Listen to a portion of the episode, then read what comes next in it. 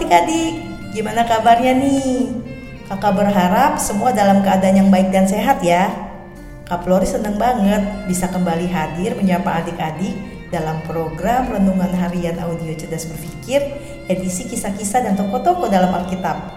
Semoga melalui program ini kita bisa sama-sama belajar untuk kehidupan yang lebih baik ya. Adik-adik, dulu kalian kan pernah dengar pembahasan tentang Daud di Gua Adulam. Sempat dibilang juga bahwa momen tersebut adalah momen saat Daud mengalami masa sulit dalam hidupnya. Nah, hari ini sampai beberapa hari ke depan, cerdas berpikir akan membahas tentang momen yang juga sulit dalam kehidupan Daud. Kalau menurut kakak itu adalah momen tersulit yang dialami oleh Daud.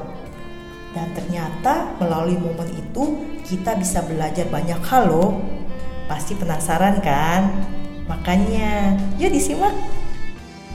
Semuanya dimulai ketika Absalom, anak Daud berencana merebut kekuasaan dari ayahnya secara paksa. Dia mengambil hati rakyat dengan berpura-pura baik membela perkara rakyat Adik-adik bisa baca bagian ini di 2 Samuel 15 ayat 1 sampai 6. Dibaca loh ya. Empat tahun kemudian, Absalom minta izin kepada ayahnya untuk pergi ke Hebron. 2 Samuel 15 ayat 10 sampai 12 mengisahkan gini. Dalam pada itu, Absalom telah mengirim utusan-utusan rahasia kepada segenap suku Israel dengan pesan, Segera sesudah kamu mendengar bunyi sangkakala, berserulah, Absalom sudah menjadi raja di Hebron. Beserta Absalom turut pergi 200 orang dari Yerusalem. Orang-orang undangan yang turut pergi tanpa curiga dan tanpa mengetahui apa pun tentang perkara itu. Ketika Absalom hendak mempersembahkan korban, disuruhnya datang Ahitofel, orang Gilo itu. Penasihat Daud dari Gilo kotanya. Demikianlah persepakatan gelap itu menjadi kuat dan makin banyaklah rakyat yang memihak Absalom. Adik-adik, Ahitofel itu adalah orang kepercayaan Daud.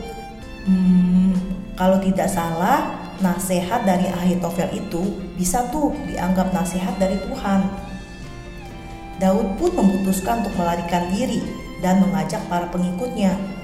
Kayaknya Daud mengambil keputusan untuk melarikan diri itu demi kepentingan orang banyak yaitu supaya tidak ada yang terluka. Dan ternyata banyak loh yang ikut. Kalian bisa baca detailnya di 2 Samuel 15 ayat 13 sampai 18. Dibaca ayatnya ya. Di tengah situasi genting yang mencekam tersebut, ternyata ada hal yang menarik perhatian kakak nih. 2 Samuel 15 ayat 19 sampai 21 mengisahkan gini. Lalu bertanyalah raja kepada Itai, orang Gad itu, Mengapa pula engkau berjalan beserta kami? Pulanglah dan tinggallah bersama-sama raja, sebab engkau orang asing, lagi pula engkau orang buangan dari tempat asalmu. Baru kemarin engkau datang, masakan pada hari ini aku akan membawa engkau mengembara bersama-sama kami, padahal aku harus pergi entah ke mana. Pulanglah dan bawalah juga saudara-saudaramu pulang Mudah-mudahan Tuhan menunjukkan kasih dan setia kepadamu. Tetapi Itai menjawab raja, Demi Tuhan yang hidup, dan demi hidup tuanku raja, di mana tuanku raja ada, baik hidup atau mati, di situ hambamu juga ada. Ternyata dalam situasi yang mencekam kayak gitu, Daud masih sempat-sempatnya mempedulikan orang lain. Daud tidak mau orang lain jadi kerepotan gara-gara dia. Dan Daud juga tidak mau orang lain dalam bahaya karena dia.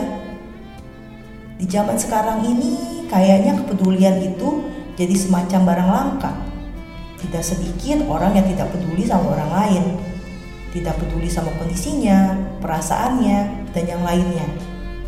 Hal itu ditunjukkan dengan ngomong sembarangan, posting sembarangan, dan lain sebagainya. Belum lagi ada orang-orang yang tidak peduli dengan lingkungan buang sampah sembarangan misalnya. Padahal nih ya, kita diberi Tuhan akal budi supaya kita bisa saling peduli, peduli dengan sesama dan lingkungan. Menjadi peduli itu tidak harus melakukan hal-hal yang wah. Cukup tindakan sederhana aja. Yang penting kita tunjukkan kasih Tuhan kepada sesama melalui ucapan dan perbuatan. Terhadap lingkungan juga gitu. Cukup lakukan hal sederhana. Hemat listrik, tidak buang sampah sembarangan, dan yang lainnya. Nggak susah kan? So, ayo kita belajar peduli. Oke? Berdoa yuk. Tuhan Yesus, terima kasih untuk kasih setiamu dalam hidup kami. Terima kasih juga buat penyertaanmu dalam hidup kami. Hari ini kami belajar dari kisah hidup Daud yang mengalami kesulitan. Tapi di dalam situasi yang sulit itu, Daud tetap peduli dengan orang lain. Biarlah kami juga mau belajar menjadi anak Tuhan yang mau peduli dengan sesama, mau peduli dengan lingkungan kami, dimulai dari hal-hal yang sederhana melalui setiap tindakan yang kami lakukan. Tuhan tolonglah dan sertai kami. Di dalam nama Tuhan Yesus kami berdoa dan mengucap syukur. Amin. Oke, sekian dari kakak. Tetap sehat, tetap semangat, dan tetap jadi berkat. Jangan lupa bahagia ya. Tuhan Yesus memberkati. Dadah.